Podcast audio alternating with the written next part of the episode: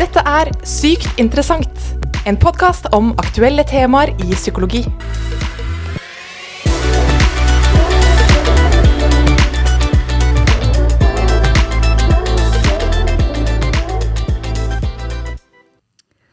Hei og velkommen til ny episode av Sykt interessant.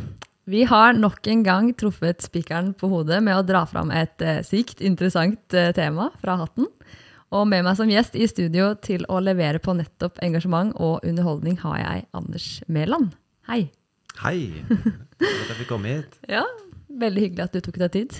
Eh, vi skal i dag konsentrere oss om mindfulness. Eh, og for deg som ikke vet hva det er, fortvil ikke. Det er nettopp det dagens episode handler om å finne ut av. Og for deg som vet hva det er, ja, da skjønner du at vi har truffet spikeren på hodet. Men før vi går i gang med å fordype oss i dagens tema eh, Denne podkasten har fått en fast spalte eh, ved navn Sykt personlig. Og for å kunne kalle den fast, ja, så har den fått plass i alle episodene for denne sesongen. Spalten inneholder tre spørsmål til gjestene eller gjestene i studio, eh, med mål om å bli litt bedre kjent med dem. Så vi starter der i dag også, vi. Anders. Eh, hva innenfor psykologi driver du med? Ja, jeg er interessert i alt innenfor psykologi, egentlig. Men eh, det jeg driver mest med, er jo prestasjonspsykologi. Altså få se om man kan eh, optimalisere hvordan man jobber mentalt. Og ja, så ikke bare, ikke bare det fysiske, men eh, det mentale. på en måte, Hvordan det henger sammen. Eh, og så er det andre spørsmål. Hva ville du ikke klart deg uten? Og jeg tror jeg hadde slitt øh, og klart meg uten øh, skisesongen. Jeg er Ja. veldig glad i å stå på ski. Så bra. Og, og særlig langrenn. Men jeg er glad i nedoverski òg. Men skisesongen, den, øh, den gir meg masse energi. Eh, og så siste spørsmål, som knytter seg til dagens tema. Da lurer jeg på, hvor var du da du ble introdusert for mindfulness? Oi, du, da var jeg i Bergen. Eh, det heter Verftet i Bergen. Vi bodde i Bergen i forbindelse med at jeg har forsvarsbakgrunn. Og jeg gikk, eh, gikk på befalsskolen i Marinen og hadde pliktårene mine der. Og havna på et eh, yogasenter på Verftet i Bergen. Yes. Så da var det noen som snakket om dette, eller? Nei, De snakket faktisk ikke om mindfulness. Jeg skjønte det etterpå. Okay. Noen år etterpå. Ja. Men uh, en viktig pilar i yogatradisjonen er jo mindfulness. da, Tilstedeværelse. Bevisst tilstedeværelse uten å dømme. Spennende. Nå har jeg jo blitt eh, litt, eh, litt kjent med deg gjennom disse spørsmålene. Eh, mange av studentene våre de er opptatt av hvilke karrierevalg de skal ta etter de er ferdig på høyskolen. Så for å hjelpe dem litt på vei, så tenkte jeg at du kunne kanskje si litt hvor du jobber også. Mhm. Eh, bakgrunnen min er jo Jeg har forsvarsbakgrunn, og jeg, har jobba med idrett eh, hele veien. Så jeg har idrett og forsvarsbakgrunn.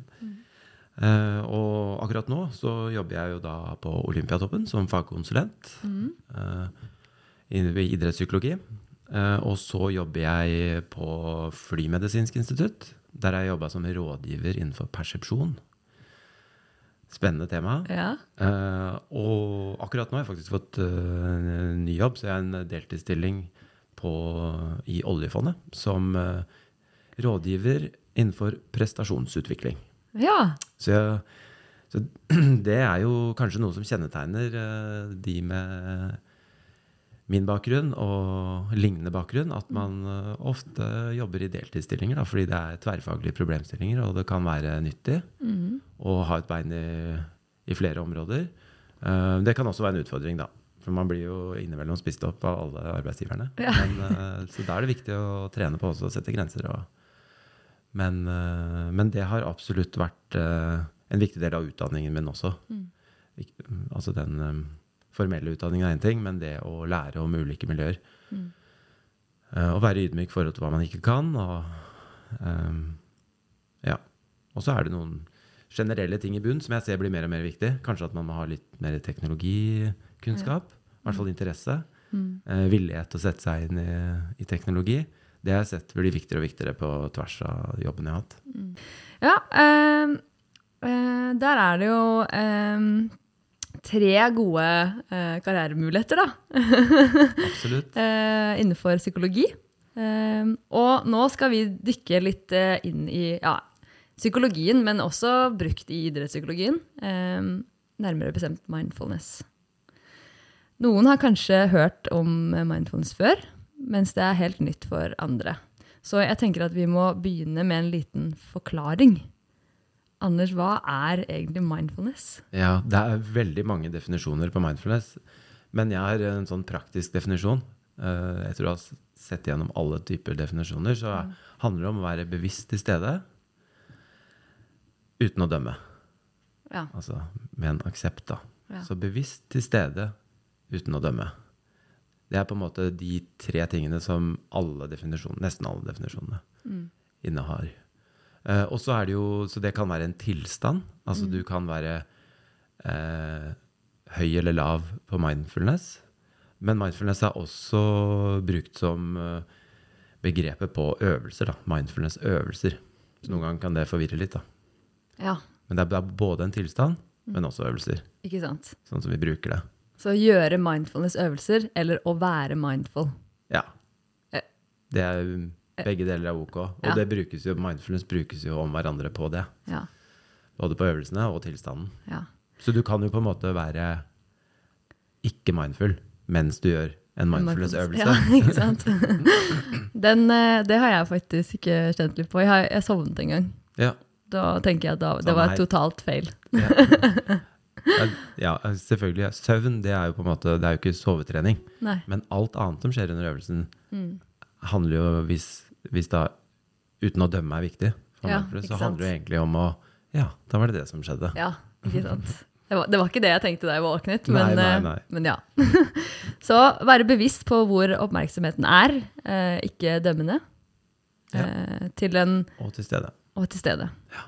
Men er det litt sånn at eh, eh, man trener evnen til å, til å da være til stede? Ja, det er, det er et fundament. Ja. For hvis du er bortreist, da Altså det er to tilstander, egentlig. Enten så er du her og nå, eller så er du bortreist. I et eller annet tanker, eller det neste du skal gjøre, eller Så da er det jo så, så, det første som må skje, er jo at du skjønner at mm, hvor er oppmerksomheten min nå? Er den bortreist, eller er den her og nå? Ja. Så da vil jo din evne til å registrere når du er til stede, bli bedre og bedre. Og da er jo tanken med mindfulness da at du kan velge når du skal være til stede og ikke. ja. Så det er jo, målet er jo ikke å være 100% til stede gjennom hele livet. Det ville jeg ikke anbefalt noen. Nei, det er kanskje ikke helt mulig heller? Nei, jeg, jeg har ikke tenkt på det. Kanskje det er mulig. Da tror jeg du fort ville blitt innlagt på en eller annen psykiatrisk institusjon. litt, litt for mye av det gode. Ja. Ok. Ehm, men mm, mm, altså når typisk er en sånn situasjon man kan tenke seg at man ønsker å være til stede da? Altså, eller Mm. for å si det på en annen måte, hvilke situasjoner ønsker man ikke det? Altså, Ja, begge deler. Så dette er jo viktig med mindfulness, at den, eh, den påfører deg ingenting, annet enn at du får et valg. mm, Eh, Så det er klart, eh, da må man ut fra arbeidskravene sine ja. i, i sitt liv eller sin aktivitet, så må man finne ut når er det lurt at jeg er til stede. Er det lurt at jeg er til stede når jeg skal lære en ny teknikk, f.eks.? Ja, mange vil tenke ja. Eh, Men så er det situasjoner der man tenker at det er utrolig deilig å bare være bortreist. Mm. Altså gruble over andre ting. Og, og hvis man er i en situasjon der det er helt ok, så må man jo finne ut om det er ok, da. Mm. Det er det man vil. ja. Så det handler jo ikke om å tenke at uh, tilstedeværelse er bedre enn bortreisthet. Nei. Det er bare to forskjellige tilstander. Ja. Og så må du finne ut når er det lurt at jeg er her og nå. Mm. Så eksempel når vi sitter og snakker sammen, Mm. hvis man hele tiden sitter og tenker på det neste man skal gjøre, eller at Så er kanskje ikke det bra for uh, kommunikasjonen, da, i situasjonen. Men så sitter man jo og veksler på å være til stede og bortreist hele tiden. Mm. Fordi det jeg sier, må jo du kanskje tenke Ja, hvordan skal jeg putte det i Så man sitter jo hele tiden og veksler. Mm. Eh, Men det som er interessant, er jo at eh, grunntilstanden vår, eller default-moden vår, er å være bortreist. Så derfor så ser vi at det kan være fornuftig med litt tilstedeværelsetrening. Fordi det skjer ikke automatisk. Ikke Men det å være bortreist, det skjer veldig automatisk, da. Det har vel kanskje alle kjent litt på. Ja da. Det er fort å være på autopilot og Oi, nå har det plutselig gått en, en dag til, eller Ja. Jeg, jeg, jeg har hørt noen si det eh, tidligere om mindfulness, dette med å være på autopilot når vi kjører mm. bil. Du bruker det som eksempel, ja. Ja, og det kjenner jeg meg så godt igjen i. At jeg liksom noen ganger bare Hvordan kommer jeg meg egentlig hjem? ja. Og det er fantastisk at alle kommer seg hjem Ja. uten å krasje. Ja. Så trafikken er egentlig et godt eksempel på autopilot, men det er jo samtidig lagt opp til trafikken at det er helt ok å være på autopilot. Fordi det er sånn de har rødt lys som har forrang i oppmerksomheten. Så selv om man tenkte på Syden når man kjørte rundt i snøværet her i Norge, så vil man komme tilbake til her og nå når man ser et rødt lys. Eller for din del pudder i Japan, eller Ja, ikke sant? Når man er forsiktig nå. Så jeg trikkeskinner i, i Nordmarka, eller ja. Men eh, eh, du som har jobbet da med eh, utøvere annet, men også kanskje i Forsvaret, eh, mennesker eh, av, eh, med ulike yrker, med akkurat mindfulness. Altså, hvilke situasjoner opplever du at de fleste ønsker å være til stede? Er det noe Kan man gi en konsensus på, på hvilke områder det gjelder, eller er det liksom bare helt uh, nei, ja, nei, jeg tror at eh, det er eh, situasjoner veldig mange ønsker å være til stede. Og det er f.eks. når man opplever noe fint, eller ja, Så er det veldig kjedelig da, hvis man, hvis man sitter og ser på en solnedgang, uh, og så tenker man på alt mulig annet, eller alle som skulle vært der og sett den sammen, og så plutselig så er solnedgangen over. Ja. Så man har jo på en måte lyst til å, å på en måte være ordentlig til stede og marinere seg i den opplevelsen. Så sånn livsnytelse og sånn livsnytelsessituasjoner, så tror jeg veldig mange ønsker å være til stede. Eller at de ønsker å være til stede når de er sammen med familie, altså folk som er viktige for dem. Uh, og det er mange som kjenner på det at når de har hatt en travel dag på jobb, så kanskje de tar med seg noe av jobben hjem, og så sitter de der mens man bygger Lego eller leker med barna eller, eller er sammen med kjæresten. Og så er man egentlig ikke der sammen med de. Man er egentlig på jobb i hodet. Uh, så det tror jeg er situasjonene. man Og når det er uh, avgjørende situasjoner i prestasjonssammenheng, når det er beslutninger som skal tas, der du er nødt til å få med deg hva som skjer i situasjonen. For det, det holder ikke med autopilot. Du kan ikke basere deg bare på tidligere erfaring. Du må få med deg hva som skjer nå. Ja. Om det er midt på en håndballbane eller i et jagerfly, eh, så er det situasjoner som vil dukke opp der du er helt avhengig av å få med deg eh, Altså situasjonsbevisstheten er viktig, da. Og særlig i de situasjonene så må man ha trent på å være til stede. Ja. For i de situasjonene så er det så fort å reise av gårde. Oi, oi, oi, nå må jeg ikke tulle det til. Ja, oi, oi, oi, nå må jeg, nå må jeg passe på. Og det, da er du egentlig bortreist. ja, ikke sant? Da er du egentlig ikke til stede. Og, det, og derfor så må mindfulness trenes i fredstid, da, som jeg kaller det. Man må trene det i grunntreningsperioden. Sånn at man, når man kommer i de situasjonene, så kan man ikke tenke at å, nå må jeg være mindful. Så dette er ikke en teknikk som man kan tilføre i en situasjon, da. Det er egentlig noe man trener på i stille perioder, når det er fred og grunntrening. Sånn at man styrker de musklene, sånn at de opererer helt av seg selv i de situasjonene du trenger det. Da. Og her er mange som misforstår. da. De tenker at de skal dra fra mindfulness når det virkelig gjelder. Ja. Litt som en nøkkel eller et Ja, ark. sånn eller, ikke. Ja. Men sånn er det med ganske mange av de eh, teknikkene vi bruker eh, for å prestere bedre, med idrett, fra idrettspsykologien f.eks. Absolutt. Ok, Så det handler om å bli oppmerksom også på når man ikke er til stede. Eh, fordi, fordi det er det vi er på default ofte. Ja. Ja. Uh, og i øyeblikk der man ønsker at man skal være det. Og det er, kan jo sikkert være litt sånn individuelt, uh, som, men, men noen ting vil man jo kanskje gjerne marinere litt, som du kaller det så Ja. fint. Uh, eh, og for de av dere som har hørt om mindfulness før, så skal det jo påpekes at dette er jo ikke noe nytt og moderne, egentlig, selv om det er veldig sånn i vinden nå. For det har jo røtter langt tilbake eh, i buddhistisk ja. tradisjon. Buddhistisk psykologi ja, Ja. Og de tradisjonene, det var der på en måte mange av metodene blei funnet opp. Ja. Men er det en uh, form for Er mindfulness en form for meditasjon? Ja. Ja. Det er meditasjon. Det er meditasjon. Ja. Mm. Så det er også et ord man kan Bevisst i stedet her og nå. Det er deler av Mm. ja, mange meditasjonsdefinisjoner også. Ja. Så det er en form for meditasjon, men den skiller seg eh, Eller grunnen til at den kanskje er litt i vinden, eh, det kan være mange ting, men en av tingene er at den er veldig lett tilgjengelig. Den er, altså selve teknikken eh, er veldig enkel å lære. Mm. Skal egentlig ikke gjøre så veldig mye. Nei. Mens noen meditasjonstradisjoner innebærer at du egentlig må bruke litt tid for å lære deg Mm. teknikken. da. Så det er en litt sånn lavthengende frukt. Og når du snakker om tilgjengelighet, så har det etter hvert kommet en god del apper som tilbyr mindfulness, og det er også skrevet eh, ganske mange bøker om mindfulness. Og du har jo skrevet en av disse, Anders. Ja. 'Stillhetens råskap'.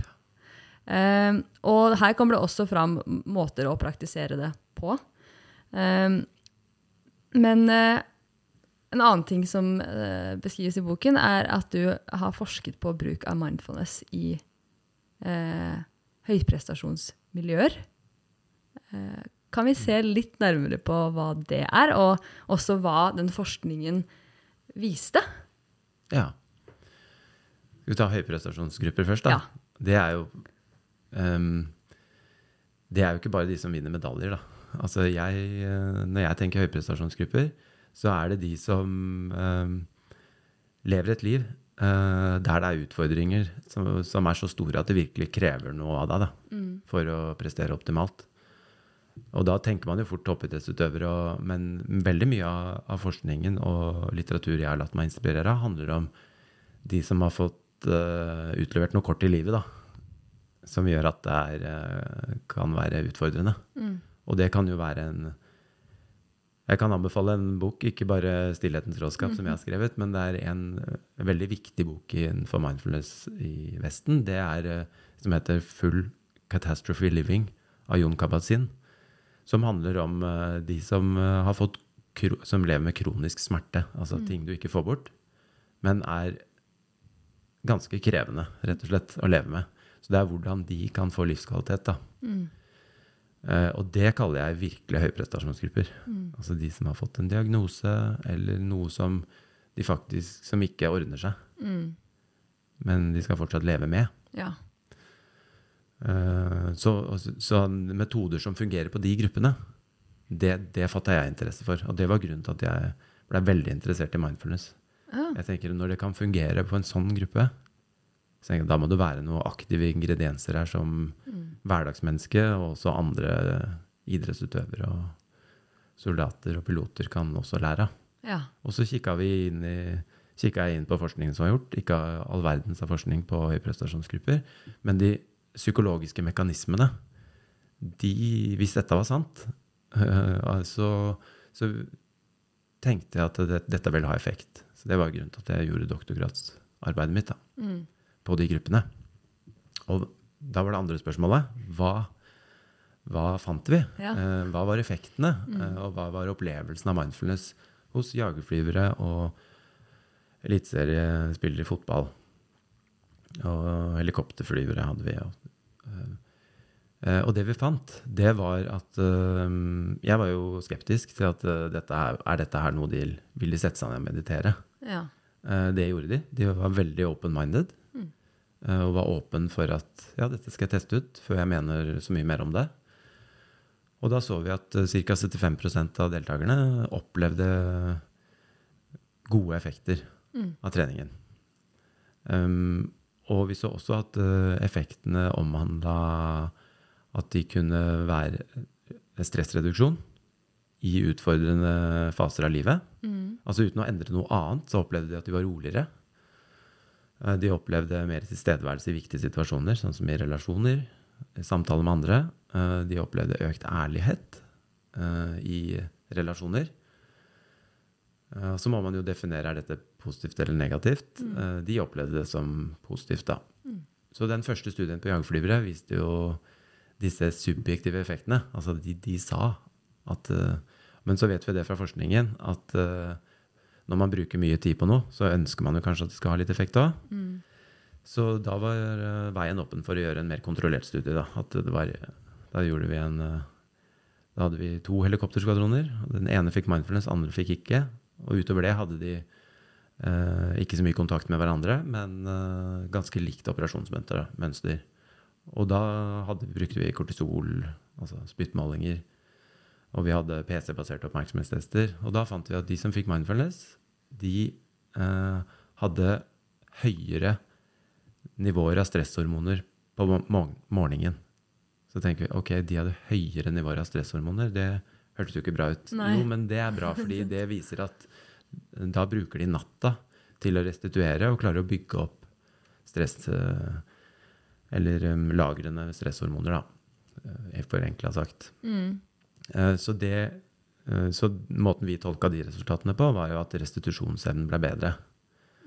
Søvnen ble bedre, og også hvilen ble bedre. Og for de som er på et burnout-spor, de uh, våkner jo da med lavere eh, hormonnivåer, da. Stresshormonnivåer på morgenen.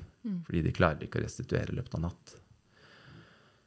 Eh, og så fikk vi alle de de subjektive effektene. Så De opplevde også at de var roligere, kunne fly lenger, var mer uthvilt når de landa. Eh, så en del sånne ting som var praktisk viktig for de, da. Ja. Um, ja. Så det var kort sagt. Og så fant vi også at det hadde effekt på relasjoner, altså samholdet i på skvadronen. Det er jo interessant. Noen som har vært i krigen sammen, og så setter de seg ned og er stille. Så opplever de da en, et økt samhold. Eh, så det er jo litt sånn ref det jeg skriver om i, i boka 'Stillhetens råskap'. da. At det er en, eh, en aktiv metode, egentlig. Det å tørre eh, å være stille sammen med seg selv. Det gjør at du også kanskje tør å være mer til stede i samvær med andre, da. Mange gode og positive effekter, da. Men Mm. tenk, ser man på det som at mindfulness eh, direkte gir disse, eller er det en sånn eh, rullende marshmallow som bare er så god eh, og blir større? Eh. Ja, jeg tror ikke det er noe rullende marshmallow, men jeg tror, jeg tror det er eh, Og det var derfor vi gjorde en eh, kvalitativ studie på hva er mekanismene bak at de fikk økt samhold. Eh, Og da ser man det at det er at når man snakker med andre, så er man mindre dømmende. Man er mer til stede. Eh, Og hvis du tenker når du har snakka med noen venner eller noen som er viktig for deg i livet, hvis de er til stede og ikke uh, dømmer det du snakker om, så kan du aldri kjenne seg igjen at ja, det er gode samtalepartnere. Der føler jeg at noen er til stede og lytter. Så, og selv om du da har kanskje noen issues med de personene, så, uh, så går ting seg til når folk tør å være ærlig og til stede, og ikke Og det var også lavere sinne, da. Altså du, du klarte å holde det ikke for emosjonelt, samtalene osv. Så, videre. så det var mekanismene på en helikopterskvadron. da. Det kan jo hende at mekanismene er annerledes andre steder. Da må Ja. man gjøre forskning på de. Men eh, det er jo veldig interessant med dette med å være til stede eh, for, de, for de miljøene, syns jeg. Fordi at konsekvensen av å ikke være det kan jo også være veldig stor.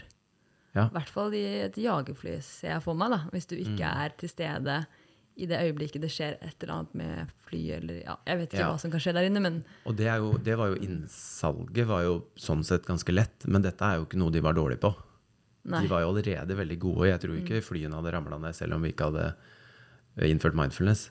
Så det vi oppdaga, var jo at mye av mindfulness-effekten gikk jo på livet som Ja, pilot. Altså Altså, Så ikke nødvendigvis bare i cockpit. Nei. Men det var også mange, mange eksempler på hvordan de opplevde at dette hadde hjulpet i situasjoner der de ble redd, eller veldig høyt stressnivå, eller veldig mange beslutninger som skulle tas, så forsto de, fordi de hadde trent på å registrere når er jeg bortreist. Så de mente selv at eh, de var enda flinkere enn før. For det er en, en, en ferdighet du nesten aldri kan bli god nok til å returnere til her og nå Ikke sant. Når ting er vanskelig, og ting går veldig fort.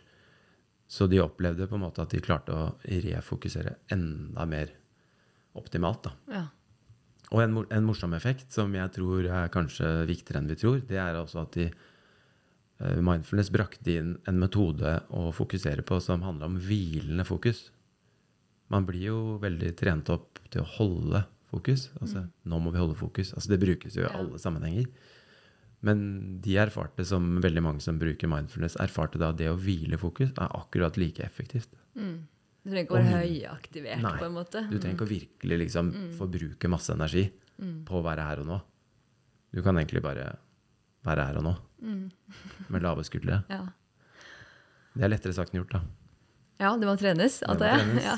Men eh, nå kan det hende at det sitter noen studenter og eh, lyttere og tenker at «Åh, dette vil jeg gjøre, for dette høres jo kjempebra ut. Men hva skal de da gjøre for å trene? Ja, det er som du sier, man kan oppsøke kurs og kikke på apper, men egentlig så er det veldig enkelt. Eh, så jeg kan jo bare anbefale å sette på nedtelling på mobilen. Um, ett, to, fem eller ti minutter. Eh, der du tenker at nå skal jeg bare la oppmerksomheten hvile på pustens bevegelser i magen eller nesa, eller der du prøver å være til stede i nesa eller magen. Altså kjenne på eh, fornemmelsene som følger hvert utpust og innpust. Altså det kan være en lett strekking i magen, eh, lengden på pusten. Og da prøve å være mindful, dvs. Si være bevisst på at du er på pusten, og til stede her og nå. Og prøve å ikke dømme pusten. Ikke sant? Ja, ja, nå er den lang eller kort, eller Det er bare sånn det er.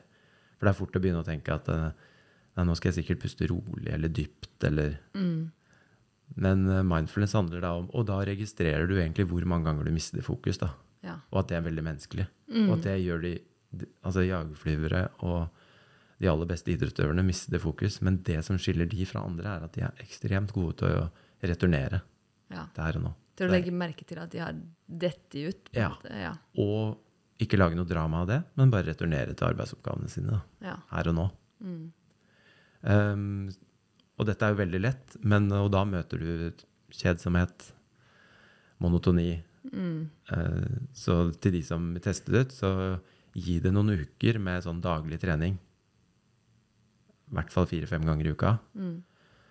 Eh, der du bare ikke forventer noe effekt, men bare ser hva, hva skjer når jeg gjør dette her eh, fire-fem ganger i uka. Eh, Så får man gjøre opp status da, etter en sånn seks til åtte uker. Eh, Hva har skjedd siden jeg starta? Men det, det er ikke noe som man bare da skal legge fra seg. Sånn, nå har jeg lært det, og så legger du det fra deg etter åtte uker? Eller? Det er et veldig interessant spørsmål, og jeg tror faktisk at det kan være litt sånn. Eh, og hvorfor er det sånn? Jo, for jeg tror at hvis du har gjort dette her, og registrert effekten av det, så kan det hende at du gjør det av deg selv. Altså du fortsetter egentlig treninga uten å vite det, da. Men så tror jeg kanskje at man må gjøre som andre fys fysiske kapasiteter. At du må i grunntreningsperioden kanskje børste litt støv av deg og, og trene litt uh, grunntrening. I håp om at det kanskje varer til neste år, til neste grunntreningsperiode. Det er litt sånn vi tenker rundt styrke, og jeg jobber mye med skihoppere.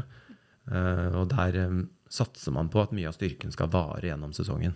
Ja. Men man ser at de blir dårligere og dårligere. Eh, men at man tenker at ja, man, det må man tåle. Eh, men det som er bra med mindfulness, er at du bare kan sette deg ned og kanskje ta en uke der du kjører en fire-fem økter for å booste det litt igjen. da. Så det er, tenker jeg er en god nyhet. Altså Når man begynner på dette her og tenker oi, skal jeg gjøre dette resten av livet, ja, ikke sant? er det verdt det? Er det nok effekter? Eh, men det er kanskje sånn, gjør dette i åtte uker, uh, så har du kanskje en ferdighet for resten av livet. Ja. Det er kanskje litt mer motiverende for noen, da.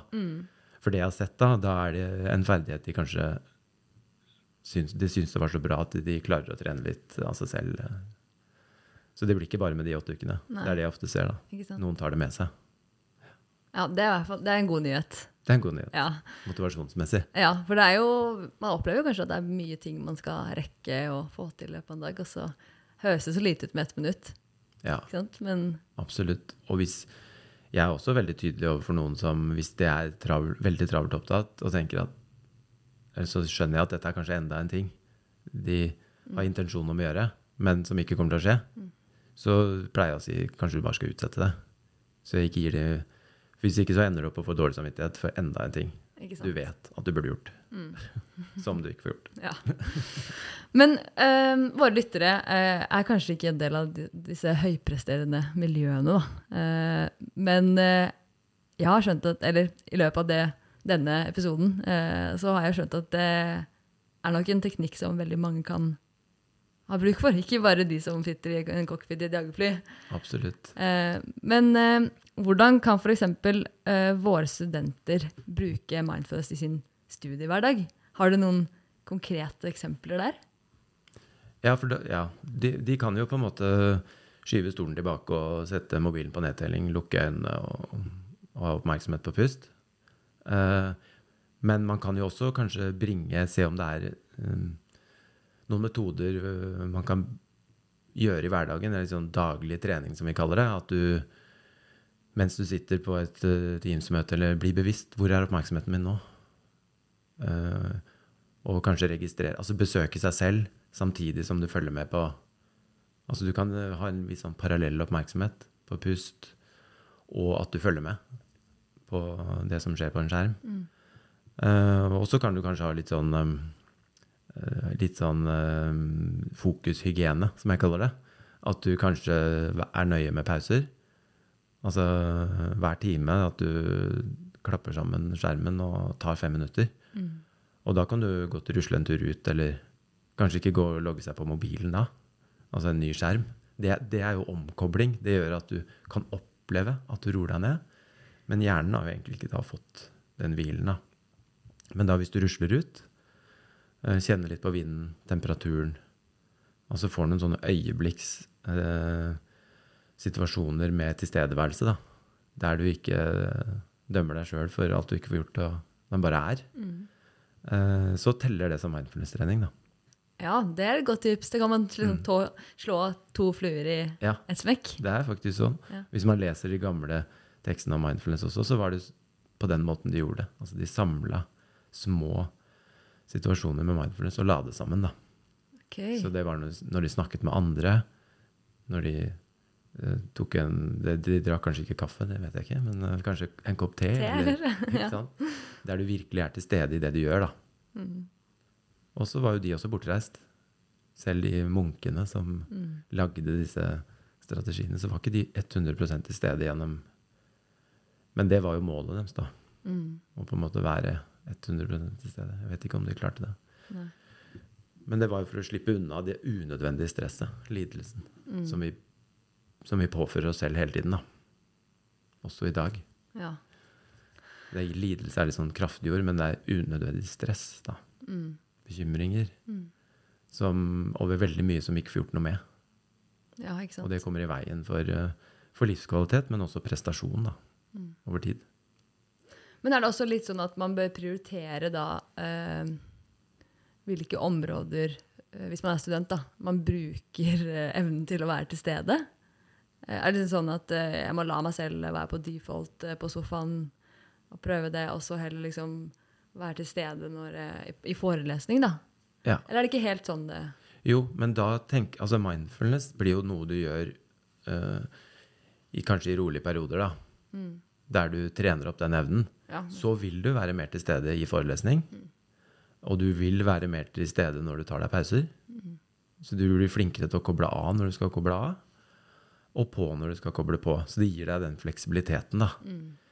For hvis du prøver å gjøre det du sier uten å ha den ferdigheten, altså hvis du har et flyktig sinn, og du prøver å være til stede i en forelesning, så får du veldig mange bortreistheter. Mm.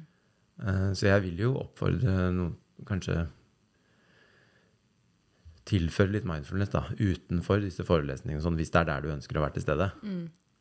For hvis du prøver å være mindful og ikke har trent på det, så blir du bare frustrert. Ja, ikke sant.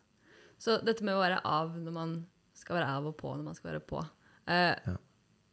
Hvis man har den evnen litt etter hvert trent opp, da, er det sånn at man egentlig er et sted mellom? Hvis man ikke At man aldri er verken på Ja, det er eller av, eller er det Jeg tror du kan, kan ha større grader av tilstedeværelse. Og da er det kanskje sånn at det er større grader av bortreisthet òg. Men jeg tror jo det som kjennetegner tilstedeværelse, er jo at sansene er påskrudd. At, eller de er jo kanskje også påskrudd hele tiden, men du får data da, inn som går inn i bevisstheten. Altså du blir bevisst sansene dine. At du lukter og smaker og ser og kjenner. Um, og da kan man jo innimellom merke at eh, noen ganger er det veldig sånn kraftige inputs du får. Og det er kanskje situasjoner der du er veldig til stede, da.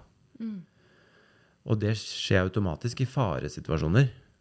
Når du blir utsatt for fare og nesten blir påkjørt, og sånn, så kan man liksom kjenne det gå kaldt nedover ryggen, og man kan flere dager etterpå kanskje kjenne igjen lukta fra den farlige situasjonen. Um, og veldig sånn klare bilder av det. Så det er jo egentlig de tilstandene man prøver å fremprovosere gjennom mindfulness-treningen. At man kan, ikke bare når man er utsatt for fare, men i hverdagen, få den intense følelsen av tilstedeværelse. Og den varierer. Så jeg tror det er ulike grader, men jeg tror ikke man ligger imellom. Enten man er man til stede med ulik intensitet, eller så er man bortreist med ulik intensitet. Ja. Jeg tror bare det er to tilstander. Men nå snakker jeg langt utover forskningen her, da. ja. Men sånn erfaringsbasert, da. Men denne autopiloten, da, som er litt den der når man ikke er helt til stede Ja. Det høres jo Og da, da høres det jo veldig fint ut på den andre siden å kunne ta seg tid til å liksom være ordentlig til stede og liksom høre på fuglene og kjenne snøen i fjeset Ja. og Ja. Og det er jo det som Det er jo morsomt, for jeg har gjort noe forskning på det, og de ser jo det at hvis man er til stede, selv om det er å vaske en do, så har man det bedre Ikke sant? enn hvis man er bortreist. Ja. Det er ganske interessant, da. Så det er, hvis man virkelig er til stede i en situasjon, så ser man forbi alle disse tingene som handler om om man dømmer ting som er bra eller dårlig, da. ja. Eh, Og derfor så finnes det jo livskvalitet. Ref den full catastrophe living. Det finnes livskvalitet i mellomrommene. ja. Topp. Eh, og det tror jeg veldig mange kan kjenne seg igjen i. Altså, selv om man har det kjempedårlig. Hvis man, det, da er det plutselig situasjoner der du glemmer det. Ja. Fordi du er så til stede, og når du er til stede, så kan du ikke være bortreist samtidig. Nei, Da kan du ikke tenke om at hva skal skje i morgen. Og, og ikke sant? det er en forferdelig situasjon jeg har havna i, der du tenker konsekvenser. da. Um, men men det, er ikke noe, det er ikke noe smart idé å tenke at jeg skal være fullt og helt til stede resten av livet for å stikke av fra alt som er kjipt. Nei, ikke sant. Det blir litt mot sin hensikt. Det er mot sin hensikt, for det handler, det, mindfulness er også en eksponeringsmetode. Det vil si at du må forholde deg til virkeligheten sånn som man er. da. Og så får du kose deg når det er bra, og så får du ta utfordringene etter hvert som de kommer. Går det litt på aksept også, og det å ikke, ikke være dømmende? Erkjennelse av virkeligheten. da. Og så må du koble det til et moralsk rammeverk, da, for det er noen som har kritisert mindfulness. at Vi redder ikke verden hvis alle bare skal være til stede og kose seg uten å tenke på konsekvensene. Det er jo ikke det det handler om. Det moralske rammeverket trenger alle for å guide oss. Er det noen tilfeller eh, der man ikke bør bruke mindfulness, hvor det kanskje ikke gir så positive effekter som det vi har vært innom i dag? da?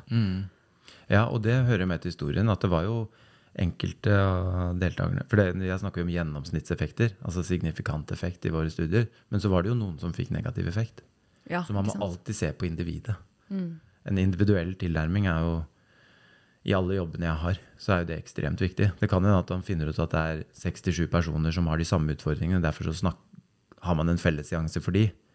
Men, men det må jo være at man har full kontroll på at alle de seks eh, At den metoden man snakker om den dagen, er relevant for de.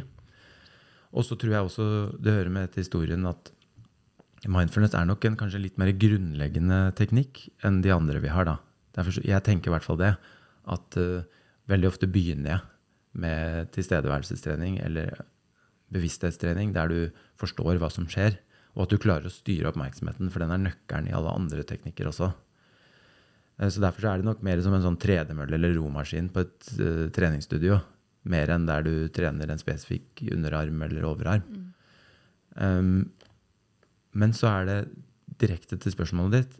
uh, når bør du ikke gjøre mindfulness? Og, og det man ser, er at hvis du er, uh, har veldig kraftige symptomer på depresjon eller angst, så tenker jeg at dette ikke er metoden. Og det viser jo en del studier òg. Ja, Hvorfor er det sånn? Det kan være en metode, men da må du ha en parallell oppfølging. Fordi det er en, som jeg sa, en eksponeringsmetode. Da. Altså hvis du har mange depressive symptomer eller angst, eh, hvis du setter deg ned og gjør mindfulness, så kan du trigge dette. Altså for du, når du kommer inn i stillheten, så er det som et forstørrelsesglass på virkeligheten. Så du får liksom bli utfordra ganger ti Altså det som ligger der, det kommer. Og da er jo tanken om at du skal akseptere å være bevisst, returnere til her og nå, se om du kan på en måte tåle det uten å stikke av fra det. Altså være sammen med det på en måte.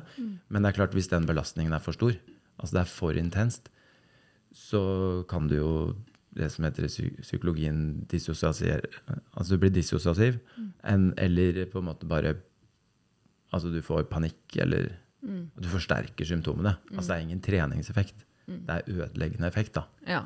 Men, eh, men hvis du gjør dette sammen med en, eh, en annen oppfølging du har, som kan hjelpe deg til å balansere det ut, og gi litt, og ja, være veldig tett på, da, Ja. eh, så kan jo mindfulness eh, være viktig. Men husk på at dette er en ganske Metoden er effektiv fordi han er ganske rå, da. Han er ganske brutal mot uh, ting som ligger der, og som du kanskje egentlig ikke tør å gå inn i, og er redd for. Og så, så der må man uh, jobbe som et team, da. Ja. Tverrfaglig. Med klinisk og eh, Jeg jobber jo prestasjonsutviklende, men har alltid et eh, team rundt meg å støtte meg på. Så hvis jeg forstår det rett, så da i så fall, hvis man har depresjon eller angst, så kanskje ikke liksom ta disse lange seansene med mindfulness, men heller gå og få veiledning i hvordan det kan struktureres, Ja. hvis man ønsker å bruke det. Men du kan jo bare teste det ut. Ja. Og se at, og, og bare ved at eh, du har hørt det vi snakka om nå, så kanskje folk tenker ja, men det er jo ikke noe galt. Dette er jo symptomer jeg har kjent på før. Ja. Eh, Så kanskje man klarer det, men, men ikke vær overraska om dette kan forverre eh, situasjonen, da. ja. Ikke sant. Eh, Og da må man kanskje slutte. Eller i hvert fall oppsøke noen som kan guide deg videre, sånn at du får riktig belastning i treninga. Men sånn er det jo litt med alt. Ja. Det er jo noen, altså Man skal være forsiktig med hvor mye vekter man putter på i knebøy. Hvis, man, hvis ikke da ryker det en rygg, eller Eller hvor lenge man ror på romaskinen. Ja, det også. uh, apropos oppmerksomhet. Uh, jeg ser at uh, tiden den løper fra oss. Tusen takk for at du ville komme og opplyse litt om hva mindfulness er, og hva man kan bruke det til. Jo, takk for praten. Mm. jeg håper du som har lyttet, kan ta med noe du har lært om mindfulness til å lage deg en enda bedre dag, kanskje. Kanskje du kan se og lytte til fuglene, eller se på snøen som daler. Eh, eller gå, eh, sjekke inn og spørre deg selv hvordan har jeg det egentlig? Takk til du som har fulgt oss i dag, eh, hvor du har hørt meg, Linn Engdahl Lysevik, med gjest i studio Anders Mæland. Ny episode kommer neste mandag. God uke så lenge. Du har nettopp hørt en episode av Sykt interessant, en podkast om aktuelle temaer i psykologi.